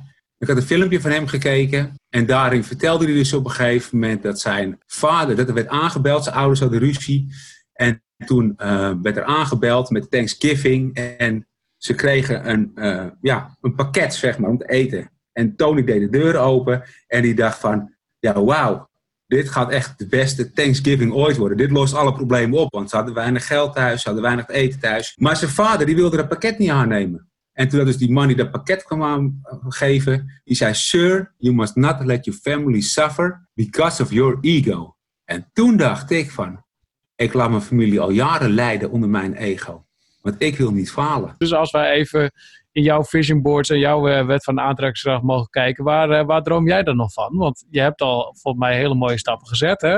En je klinkt ook volgens mij Ja. als een hele positieve persoon. En als je beschrijft hoe het hiervoor was, nou, volgens mij eh, hemel en aarde verschil. Maar waar, waar gaan we naartoe, Tas? Wat ga je allemaal nog meemaken in de toekomst? Nou, mijn eh, grote droom is, eh, ik wil op wereldreis met mijn kinderen. En dat wil ik 40 ben, dus ik heb nog drie jaar. Dan hoop ik echt eh, de oude shit definitief afgesloten te hebben. En dan wil ik op wereldreis met een camper. Ik wil ze inlaaien, ik wil de hele wereld over. Ik hoop dat ik dan in de tussentijd, of hoop, ik hè, heb de intentie gezet om eh, dan eh, in de tussentijd dus ook een groot internationaal team gebouwd te hebben. Zodat ik de wereld over kan, dat ik adres heb op de wereld waar ik heen kan en dat ik daar echt de mensen kan leren kennen. Dus echt de cultuur. En als ik naar Frankrijk ga, dat ik ook met Franse mensen zit. En natuurlijk als ik in Parijs ben wil ik de Eiffeltoren zien. Dat is logisch. Maar ik wil ook de rest zien. Ik wil weten hoe mensen leven. Ik wil weten hoe mensen doen, waarom mensen bewegen. Ik vind mensen heel erg interessant. Ja, dat. En met een camper de wereld rond. En ik denk ook dat als ik dat ga doen, dat ik dan pas echt vrij kan denken. Want op het moment dat je zorgen hebt, dan ben je toch vaak, eh, zit je vast in je hoofd. En ik denk als ik echt die vrijheid heb en echt al die mensen ga leren kennen, ik denk dat ik dan meer bij een, ja, misschien een levensmissie kom of zo. Hè? Of dat ik dan een nieuw doel ontdek waarvan ik zeg ja, daar wil ik me op in gaan zetten. Hey, de laatste vraag die wij altijd stellen is: eh, wat wil je onze luisteraars meegeven? Dus wat eh, vind je dat. eh, nou, mensen die naar onze podcast luisteren, ik ga ervan uit dat die ook bezig zijn met hun dromen en doelen bereiken. Wij in ieder geval wel, of in ieder geval het geïnteresseerd te zijn. Als je dat zo kort zou moeten samenvatten, wat je ons net hebt verteld, wat, wat wil je ze meegeven? Maak je ogen open, luister naar de signalen en eh, weet dat je zelf alle antwoorden hebt, sowieso. Hè? Dus mediteer, ga bij jezelf naar binnen, zoek ook rust op, laat je niet opjagen en kijk naar wat je echt wil. Dus maak een bucketlist of een vision board, kijk naar wat je echt wil. En dat mag veranderen, het mag gaan, maar ga voor je dromen en ga niet doelloos rond. Nou, voorop gezegd, deze man heeft natuurlijk het allermooiste accent van heel Nederland. Ja, dat heb je in het interview ook al gezegd. Al heb ik het er misschien uitgeknipt. ja, maar dat maakt mij niet uit. Het mag vaker gezegd worden. Mensen uit Kurenstaat hebben een prachtig Noord-Hollands accent. Schitterend. Schitterend. Schitterend. Ja. Heel mooi. Nee, en ehm, Daan, ja, jij kende dit verhaal natuurlijk al een beetje. Ik hoorde het voor het eerst. Ja, Wat maakte dat je dacht, wij moeten dit horen? Nou, wat ik mooi vind aan Tars is dat hij ook... Hij vertelt het natuurlijk ook op een manier die heel down to earth is of zo. Het, Ja, is, heel, ja. het is heel toegankelijk. Het is heel... Je snapt het ook gelijk. Het is, eh, hij maakt er niet te veel woorden aan vuil. Hij gebruikt de woorden waarvan iedereen denkt... Oh ja, je kunt je gelijk er- erin verplaatsen. En wat ik mooi vind is hij is ook echt... De soort van de passie en de gedrevenheid... die spat zeg maar door Ja. het scherm, door de microfoon. En dat vind ik mooi. Ja, ook bijvoorbeeld voor eh, tuinen aanleggen. Ja, Dus hij begint al, ja, ik wilde gewoon de mooiste tuinen maken. En toen was ik, ja, ja zacht gezegd, kutklusjes aan het doen. ja. Maar dus hij wel... doet wel heel veel dingen met passie. En wat ik wel mooi vind, want hij vertelt in de basis ook wel ergens een beetje een verhaal wat je zou kunnen omschrijven als, nou, laat ik zeggen, spiritueel. Ja, Wat ook wel met zweverig geassocieerd wordt. En ik vind wel. dat bij hem helemaal niet nee. aan de hand. Dus dat vind ik wel heel interessant. En dat vind ik zo mooi, ja. Het is meteen niet zweverig. Het is gewoon down to earth. Hij heeft een paar verhalen gelezen en een paar dingen gezien van Tony Robbins bijvoorbeeld. Ehm, eh, wat voor de niet, niet, niet, mensen die hem niet kennen, dat is een beetje de Emil Ratelband van Amerika. Hè? Ja, Twee, Ja. ja. wat twee, ja, hij is wel, ja, nee, het is echt een, Emil ja, maar dat, nee, dus Emil Raterband is niet helemaal... Hij heeft natuurlijk wel een soort van dezelfde energie als Emil Raterband, alleen Tony Robbins snijdt ook daadwerkelijk hout. ja, dat is wel waar. En Tony Robbins is ook iets wetenschappelijker. Ja, en heeft ook daadwerkelijk met echt heel veel mensen op Ja, het is, positieve manier het is wel beïnvloed. een van de grootste positiviteitsgurus van de wereld, denk ik. Zeker. En misschien wel de grootste. En hij heeft Tars dus ook onwijs geholpen. Ja. En wat ik dus ook mooi vind aan Tars, dat hij eigenlijk ook wel een beetje laat blijven. Wat ik mooi vind aan zijn ingang, is eigenlijk dat hij begon over het fysieke. Dat had ik niet Ja. helemaal aan zien aankomen, want dat had ik in het voorgesprek met hem niet helemaal eruit gekregen. Maar dat hij dus zei van ja, als je dus gewoon goed voor jezelf zorgt, dan, nou, dan komt de rest niet vanzelf, maar dan wordt de rest wel mogelijk. En dat vind Ja. ik ook echt een interessante. Want dat heb ik ook weer gemerkt. Hè? Dus de dagen voor kerst ben je heel braaf en eh, gewoon eh, je groente eten. Fit en, fuck, ja. ja, super fit. En dan komt kerst en dan sloop je je lichaam even in twee, drie dagen. En daar, nou, dan, eh, drie dagen later zit je bij de coronatest. ja, dat is zo. Maar het is wel echt zo. Als oh, je, dat je denkt ehm, dat je ziek bent. Ja. Toen wij hiermee begonnen ook met de Bucketcast, toen Ja. was ik ook net een paar maanden weinig aan het drinken geweest. ja, Wel ook weinig aan het slapen, want ik had net een kind gekregen, maar wel veel bewuster met mijn leven bezig geweest. En, de- en ik merkte gewoon, en ik merk het nu ook weer, dat ik, als dat zo is, ja, dat ik dan veel beter bezig ben met dingen doen, veel bewuster keuzes maak, me veel minder laat leven, maar veel meer zelf gewoon aan het leven ben. En dat is wel interessant, dat zei hij eigenlijk natuurlijk ook. ja. En ik merk inderdaad, zodra het weer drukker wordt op werk en er weer wat meer feestjes zijn, of weer wat andere dingen, of weer wat meer gaat drinken, of eh, eh, eh, af en toe weer eens een klein sigaretje opsteken, dan zit het al snel weer, eh, Is er hommeles. is het weer hommeles. Ja, En wat, ook, wat mooi is, als laatste misschien over Tars, is dat hij ook laat zien dat hij uiteindelijk heeft gekozen voor wat hij echt belangrijk vond. Dus zijn vrouw, zijn kinderen. En hij, wil- hij Ja, wil voor mij nog steeds dat hovenieren, weet je wel. Dus hij kiest heel erg vanuit zijn hart. En dat vind ik gewoon super mooi om, eh, om te horen. Dus dankjewel Tars voor dit dankjewel verhaal. dat je bij ons wilde zijn en eh super tof dat je ook een gast wilde zijn in de Bucketkast. Ja, want we hebben ook heel veel luisteraars gehad. Hè? En ik zal even Zo. de, de stats erbij bakken. Want ik had het dus over nou, optreden voor 5000 mensen. En we zijn bijna 3000 keer beluisterd dit jaar. Kijk eens aan. Eh, wat, echt, wat ik echt wel veel vind. En ik Ja. weet dat we in podcastland... We zijn, we zijn geen zelfspodcast en we zijn geen Mama Man de podcast. We zijn minstens zo goed, veel inhoudelijker en ook een stuk knapper. Ja, Mag ook gewoon gezegd worden. Ehm, maar eh, ik ben gewoon best wel trots op het feit dat wij bijna 3000 mensen hebben die naar ons hebben geluisterd. en wat de statistiek ook laat zien, is dat we ook gewoon niet een paar, maar best wel wat vaste luisteraars hebben. en hebben dat vinden we ja, echt heel een tof. grote groep, een, groot, of een relatief grote groep mensen die vaak terugkomen. Dat zijn de mensen die waarschijnlijk nu ook zitten te luisteren. Ehm, maar daar hebben we na één aflevering ook bijna 500 mensen geluisterd. Kijk, die zijn niet allemaal blijven hangen. Dat snap ik ook, mensen, weet je wel. Moet je ook niet willen. Eh, maar eh, voor de mensen die blijven luisteren, ik vind het heel super tof dat jullie bij ons zijn nog steeds. En we hebben ook een aantal luisteraars die heel, ja, heel actief met ons interacteren, zou ik zo willen zeggen. Eh, een aantal hebben we geïnterviewd, hè, zoals eh Juliske hebben we een keer gesproken. We hebben Max gesproken. Debbie hebben we gesproken. We hebben Dirk gesproken. Ja. En Dirk heeft een eindejaarsbericht voor ons ingesproken. Dat vind ik super leuk. Hartstikke Dus ik zou zeggen, laten we er even naar gaan luisteren. Hey mannen. Ja, ik heb een tijdje wat minder van me laten horen zo aan het eind van het jaar, maar dat heeft een hele goede reden, want op 15 november is onze dochter Lily geboren. En dat is hartstikke bijzonder. Ze heeft mijn vader gemaakt en, eh, en inmiddels zit ik dus in een hele andere nieuwe fase van mijn leven. Dus het even wennen. Het is even wennen aan het nieuwe ritme en aan alle dingen die daarbij horen kijken. Ik heb ineens, eh, nou, zes weken geleden had ik nog nooit een luier verschoond en inmiddels eh, ben ik er een prof in geworden. En met al dit regenachtige weer, want de regen tikt hier enorm op de ruiten achter me, ehm, genieten we wel lekker van de tijd die we nu lekker warm binnen samen mogen doorbrengen. Ehm, dus eh, ja, dat is hartstikke bijzonder. Ik wilde jullie nog laten weten dat ik enorm heb genoten van het afgelopen jaar van de Bucketcast en ook weer van het nieuwe seizoen waar jullie mee zijn gestart. Ehm, ik blijf jullie afleveringen enorm inspirerend vinden en ze zetten bij mij me echt steeds aan eh, tot het ondernemen van actie. En tot mezelf afvragen, oké, wat wil ik bereiken? En als ik jullie gesprekken hoor met anderen, dan vraag ik me net zelf af, oh, oké, zijn er nog doelen die ik mezelf kan stellen? Of, of, of ehm, merk ik dat ik na het luisteren van een aflevering ineens weer zin heb om, om even gewoon lekker piano te spelen of te zingen of uh, naar het muziek te maken? Ik kijk in ieder geval ook enorm uit naar de tijd dat, dat we corona achter ons kunnen laten met z'n allen. En ik hoop echt dat we in het nieuwe jaar Um, dat er weer mooie nieuwe culturele projecten kunnen worden opgestart. En uh, jullie nog heel erg bedankt voor de shout-out voor de Dutch Tenners. Want dat is echt een van de projecten waar ik enorm trots op ben. En ik hoop dat we daar in het nieuwe jaar ook weer veel uh, mee mogen gaan optreden. En uh, wellicht weer nieuwe nummers kunnen uitbrengen. En natuurlijk hoop ik dat Soldaat van Oranje weer opgestart kan worden. Um, want uh, dat blijft hartstikke bijzonder om daarin te mogen spelen. En uh, er zijn nog zoveel mensen in Nederland die dit verhaal volgens mij uh, nog een keer moeten zien. Waaronder jullie. nou jongens, maak er een hele fijne jaarwisseling van. En uh, blijf lekker doorgaan met wat jullie doen. En uh, tot in het nieuwe jaar. Oké, okay, veel lief. Hoi hoi. Ja, Dirk, dankjewel. Superleuk dat je even wat een berichtje aan ons wilde sturen. En eh, much appreciated. Moeten we een kleine correctie toevoegen. Daan moet Soldaat nog een keer zien.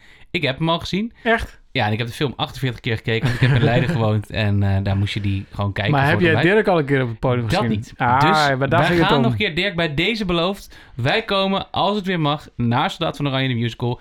In de theaterhangar in Katwijk, Valkenburg. In de buurt van Leiden ergens. Ja, we hadden natuurlijk ook wel aan Dirk gevraagd eh, een keer, eh, toen, want hij heeft ook al een keer eh, live in onze uitzending gezeten, of er ook een keer lezers mochten in Soldaat van Oranje. Die lezers, ja. dat is Dus, nog niet gelukt, hè? nou, dat is nog niet helemaal gelukt, maar laten we dan eens kijken of dat, of dat te onderhandelen valt. Schijntje natuurlijk, Dirk. Superleuk dat je, dat je even een berichtje stuurde. Ik had hem nog niet gehoord, dus ik ben, ik ben echt, eh, ik vind het, ik vind het heel mooi. En nogmaals, van harte gefeliciteerd met Lily. En geniet enorm van nou, deze donkere dagen ook. En daarna, want het is super mooi om lekker binnen met elkaar te chillen en een beetje kerstfilms te kijken. Ja, Eh, ik spreek uit ervaring, want ik heb dat ook eh, gedaan vorig jaar. Dus dat was eh, Dirk. En we hadden nog heel veel andere luisteraars. En eentje daarvan die begon zich op een gegeven moment actief te bemoeien met wat we hier aan het doen waren. Ja, die vond er Ehm, ook al wat dingen van. Ja, die vond er allemaal dingen van vanuit zijn boomer-perspectief. En Boomer. ja, zo is het gewoon. En ehm, ja, op zich hartstikke leuk dat hij dat wilde doen. En eh, wel elke keer heeft hij ons aan het denken gezet. En ook deze keer, voor het einde van het jaar, heeft... Maarten. Maarten Korts. Weer een eh, mooie column gemaakt. Zullen we daar maar gewoon naar gaan Ja, we luisteren? gaan gewoon Hartstikke idee. Lieve Daan en Matthijs, lieve dertigers met dilemma's, lieve witte geprivileerde bedriegers. Bedriegers? Ja, bedriegers, maar daar kom ik straks nog op. Eerst een felicitatie. Gefeliciteerd met een jaar lang podcasten. 17 afleveringen vol humor, toffe gasten, boeiende experts, hier en daar een column, maar vooral veel geluidjes. Een jaar lang praten over een fenomeen waar een groot deel van de bevolking en waar zelfs een groot deel van de gasten helemaal niets mee heeft: de bucketlist. En daar begint het bedrog. Want jullie hebben het helemaal niet over een bucketlist. Over een lijst van dingen die je moet gedaan hebben voor je doodgaat. Over een lijst van plekken waar je moet zijn geweest voor je er bent geweest. Is dat niet filosofisch, eh, Matthijs? Jullie hebben het over een manier om dromen na te jagen. Jullie hebben het gewoon over het leven. Over jullie leven, om precies te zijn. Want waren het in de eerste afleveringen van de Bucketcast nog items zoals een fantasyverhaal schrijven, een avondje werken in een kroeg, een tweet driedelig pak dragen, crashcourse filosofie volgen of gewoon op een rode knop drukken? De laatste paar afleveringen hebben jullie het vooral over een manier om je droom na te jagen. Radiopresentator worden en wonen in een bergboerderij dicht bij de natuur. Is dat een bucketlist ding? Nee, volgens mij niet. Want dit is niet iets wat je even afvinkt als je het wel doet. Het is daarom volgens mij meer een soort levensbestemming. De vraag die rest is misschien nog wel waarom? Waarom Matthijs? Waarom wil je radio-dj worden? Waarom wil je gehoord worden? Waarom? Waarom Daan? Waarom dicht bij de natuur? Waarom voelt dat zo goed? Waarom? Stel die waarom-vragen eens aan elkaar. En niet één keer, maar vraag eens door. Waarom? Waarom? Vier, vijf keer. En reflecteer dan eens op je huidige situatie. Je gezin, je partner, je vrienden, je leven. Misschien ben je er al. Is dat een generatiedingetje? Ik weet het niet. Misschien wel. Maar het kan ook anders. En daar wil ik het de volgende keer met jullie over hebben. Als de goede voornemens zijn verbleekt en als de bucket items voor 2021 zijn opgeschreven in een mooi lijstje. Tot die tijd wens ik jullie het allerbeste toe. Een mooi 2021 op de radio of in de Ardennen, maar vooral samen met de mensen die jullie lief hebben. Gezond en vol met dromen. Yay. Yay. Ja, dankjewel Maarten. Je Ja. stelt ook meteen wel weer een soort van... Ja, Moeilijke vragen. existentiële levensvraag... waar we een hele aflevering aan kunnen wijden. Maar ik denk wel dat de waarom-vraag, de- ik heb het gevoel dat we het daar best wel vaak over gehad hebben. Ik denk het ook wel. Ja. Ik wel, is dan net te denken, hebben we die elkaar voldoende gesteld? Misschien niet vijf, zes keer, maar ik denk wel... Dus bijvoorbeeld over waarom ik me graag wil laten horen of hoe dat precies zit. Ja. Daar hebben we het in de aflevering eh, met Merlin over gehad, hè? Zeker, was een lange aflevering, dus misschien heb je het einde niet gehoord, Maarten. Maar daar zit het, eh, zit het wel in. ja. Ehm, en tegelijkertijd denk ik dat hij ook een punt heeft. Dat je, dat, dat je die vraag moet blijven stellen. En wat ik wel een interessante vond, en ik ben er nog niet uit, is... Ben je er niet al? Ja, dat vind ik ook wel mooi dat hij dat, eh, dat, hij dat zegt. En stiekem doe ik het in mijn coaching ook heel vaak. Dat ik dan zeg van ja, waar droom je ervan en waar gaat het dan over? En in de essentie gaat het natuurlijk over bepaalde waarden of dingen die je in je leven wil tegenkomen. Een soort van Ja. ankers. Ja, ja. En heel vaak kun je die ook op andere manieren invullen. En heel vaak heb je die in je leven al. Maar ik heb ook wel het idee, daar heb ik misschien de bucketcast niet zo heel vaak over. Maar een hoop van die dingen, van die ankers waar ik naar op zoek ben, die heb ik in mijn leven nu natuurlijk ook. Ja, Maar dat betekent niet dat ik dat andere niet hoef te doen, volgens mij. Ik herken dat wel. Ik denk dat we nog wel genoeg stof tot nadenken hebben, ook naar aanleiding van deze column en Ja. alle gasten die we gesproken hebben, maar ook iedereen die met ons meereist, Zeker. om nog even door te gaan. Ja. En dat gaan we ook doen. Zullen we dat maar doen dan? Nou, dat gaan we doen. En eh, misschien is het goed om dan even wat te delen over wat we komend jaar gaan doen in Ja. de, nou, de vaste rubriek. Wat, wat, wat wil je doen dan? En we beginnen altijd bij jou, Daan. Ja, wat wil je doen dan? nadenken op dit moment. Nou, ik heb, ik heb van dit jaar bucketlisten geleerd dat ik er niet te veel op moet zetten. Misschien Nee. ook een goed tipje voor jou, Matthijs. Hi, mond aan. Ehm, maar ik heb. Dus er zijn een aantal dingen die gewoon blijven staan, zoals die wandeltocht eh, zonder digitale hulpmiddelen. Die blijft staan. Die voetbalwedstrijd op een lagere divisie in het buitenland, die blijft staan. Hopelijk is dat bij mij ergens in de achtertuin. Dan hoef ik niet zo ver te reizen. Dus een paar van die kleine dingetjes die dit jaar niet gelukt zijn, die blijven staan. Maar er komen drie dingen bij. Een lagere divisiewedstrijd in België, Daan. Nou goed, ga door. Ah, Ja. ik, zou, ik zou het mooi vinden. Ja, ik was deze zomer ook bij de lokale voetbalclub van Yves Gommezee. Daar werd verder niet gevoetbald, maar erg mooi, eh, erg mooi eh, terreintje. Ik eh, kom met jou een potje voetbal kijken. Mooi. Eh, wat ik wil gaan doen als vervolg op het verraad van Kruisenhaard, het fantasyverhaal wat ik had geschreven en de kaart. Ik ben helemaal gegrepen de afgelopen weken slash maanden door eh, echt goede audio eh, series. Op Spotify kun je een hoop van die dingen luisteren. Ik heb bijvoorbeeld dikke aanraden voor mensen die ook van geschiedenis houden. Van Bart van Loo, de Bourgondiërs geluisterd. Ja. Wauw, echt helemaal te gek hoe die man een verhaal vertelt. En dit is dan ook nog allemaal echt gebeurd. Maar wat ik dus met het verhaal Het van Kruishaard wil gaan doen... Sorry? Het verraadt niet. Het verraadt niet. Oh. nou, de- wat ik met het eh, verraad van Kruisenhaard wil gaan doen, dat is natuurlijk een beetje verzonnen. Eh, maar ik wil daar ook een audioversie van maken. Dus ik wil daar een, ik wil een audio, en het is niet een boek, het is geen audioboek of zo. Dus ik ga niet letterlijk voorlezen wat er in de tekst staat die ik geschreven heb. Daan, ik ben hier helemaal bij. Ik wil, precies, want ik had ook al bedacht dat jij daar ook eh, bij ging zijn. En we hebben al een keer iemand eerder ook, nou, die heeft niet live in de uitzending gezeten, maar Maarten. Ja. Eh, niet Maarten Korts, maar Maarten Molenaar. Die Zeker. heeft ook al verteld dat hij, dat hij mee wil doen. Ik heb hem via de app uitgenodigd. Hij was erbij. Toen zei ik wel van ja, dit wordt natuurlijk wel weer een dingetje wat kost duizend miljard uur waarschijnlijk om dat in elkaar te draaien. Want ik wil ook echt audio-effecten met paarden en pijlen en ik wil alles. Ja, en ik heb laatst eh, Dit staat toevallig op mijn lijst. Ik, eh, dit is niet afgestemd door mensen, luid dat je het weten. Maar ik heb ook helemaal uitgezocht hoe je dat moet doen met 3D-microfoons en zo. Oh, vet. Oké. Nou, dus dit gaan we... Oké, nou, bij deze, dit gaan we doen. Dus het verhaal van Kruishaard... In dat- 2021, het verraad van Kruisenhaard, de In- sequel in, in audio. audio. Eh, wat ik ook wil doen is, ik wil heel graag meedoen aan een langlauf-evenement. En dit klinkt misschien heel gek. Wow. Ja, maar ik ben al, al jarenlang bezeten van de sport eh, eh, biathlon. Eh, nou, dat schieten hoef ik niet per se zelf te doen. Dat heb ik overigens al een keer gedaan. Ergens in Lillehammer, maar dan zonder sneeuw.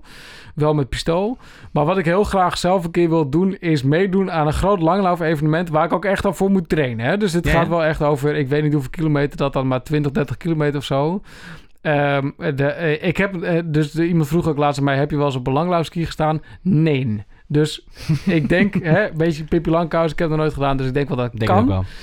Ik denk Je kan schaatsen? ik kan zeker schaatsen. Ja, daarom. Dus ik denk dat het allemaal wel kan. Alleen ik wil er ook echt voor trainen. En dan moet ik dus ook ergens naartoe, naar de sneeuw. En mijn meisje wil ook nog een keer heel graag naar de sneeuw. Want dat heeft ze ook nog nooit echt gedaan. Dus nou, er komen heel veel dingen bij elkaar. Dus dat wil ik heel graag doen. Yep. Langlauf evenement meedoen. Moet- Audio, langlaufen. En ik wil volgend jaar heel graag, wat een van mijn eh, zakelijke vrienden eh, noemt, een spreekbeurt geven. En dat, Ah. en dat betekent eh, ergens op een podium staan, een verhaal vertellen. En waar moet het verhaal dan over gaan? Dat moet gaan over eh, de natuur. Wat de natuur eigenlijk ons te leren heeft over het worden van de beste versie van jezelf. Want dat is toch eigenlijk wel waar ik de afgelopen jaren eh, veel mee bezig ben geweest. En ik weet niet waar ik deze spreekbeurt wil geven. Ik heb ook nog niet zo heel scherp van... Wat is de, wanneer is het publiek dan groot genoeg? Of gaat het er eigenlijk over? Maar ik wil dat gewoon een keer op een podium staan... en dat verhaal vertellen. Hatsa. Dus deze drie dingen komen erbij. Mooi. Punt. Wat, wat, wat wil je doen dan? En jij? Ja, bij mij komen er niet zoveel dingen bij. Althans, niet op dit moment. Eh, ik heb één ding, en dat is al in gang gezet. Dat is namelijk eh nummertje...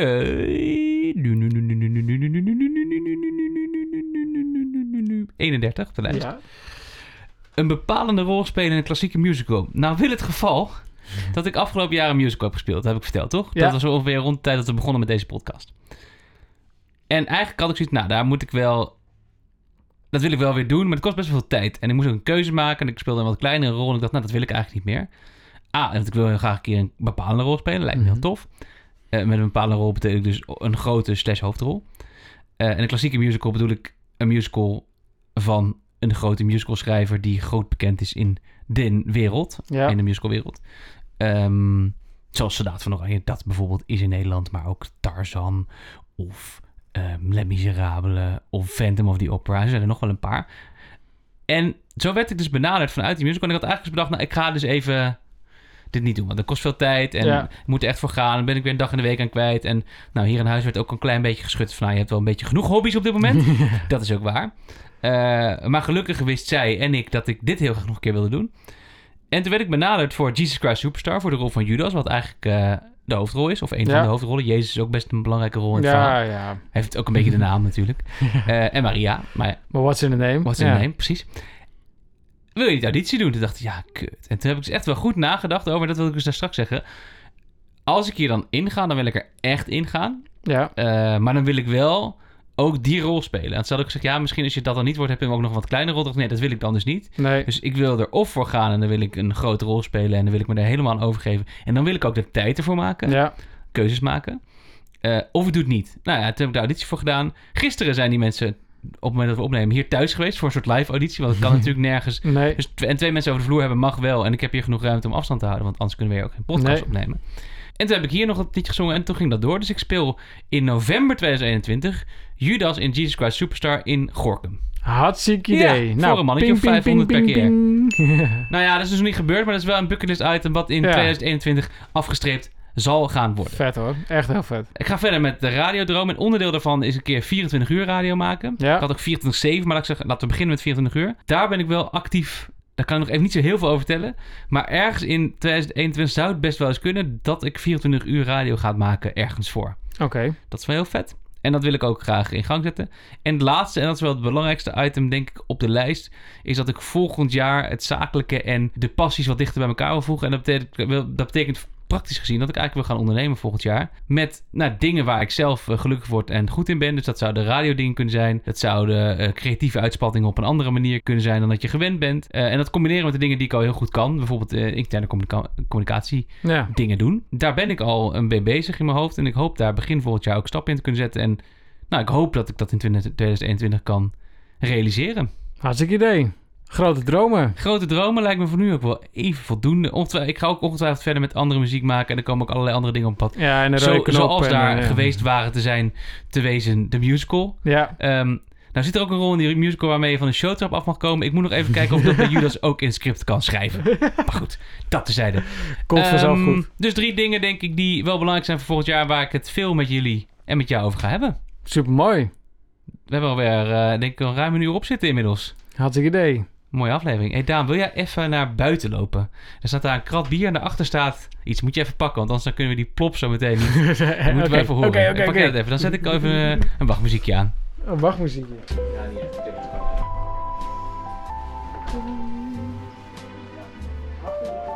Ja, achter die krat bier staat een grote fles bier. Die moet geplopt. Moet geklopt. Nou, inmiddels eh, spannende live. Oh, een mooie... mooie Ben je er weer? ja, mooi wolfje. Zo, ik zet hem er even in. Dan, eh. Ja, en inmiddels eh, zijn de mooie sounds van Johnny Marvin weer bij ons in de studio teruggekomen. Daan is even naar buiten gelopen om eh, een flesje te pakken van het een of ander. Hartstikke idee. Want we gaan proosten op een jaar lang de Bucketcast. En eh, ik heb dat met heel veel plezier gedaan. Ik wil je daar hartelijk voor danken, Daan. Ja, ik wil jou bedanken. Uiteindelijk was het de credits aan jou. Het was jouw idee.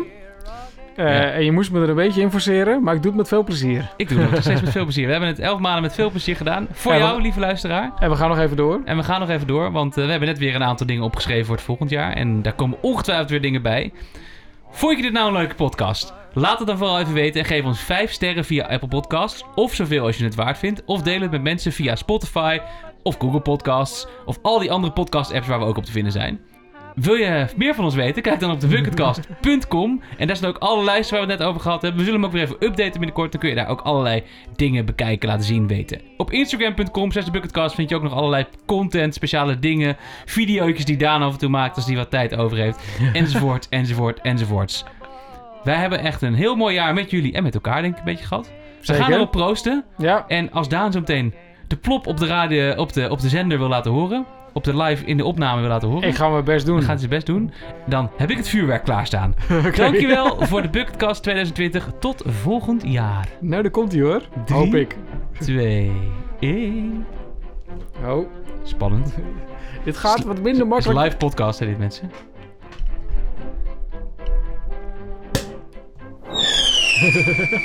nice. Gelukkig nieuwjaar, lieve mensen. En tot volgend jaar. Toedeledokie. Kom maar door met het eh, glas. Your cares and troubles die bier, hè? gone. Speciaal voor jou uit de There'll be no more from now on.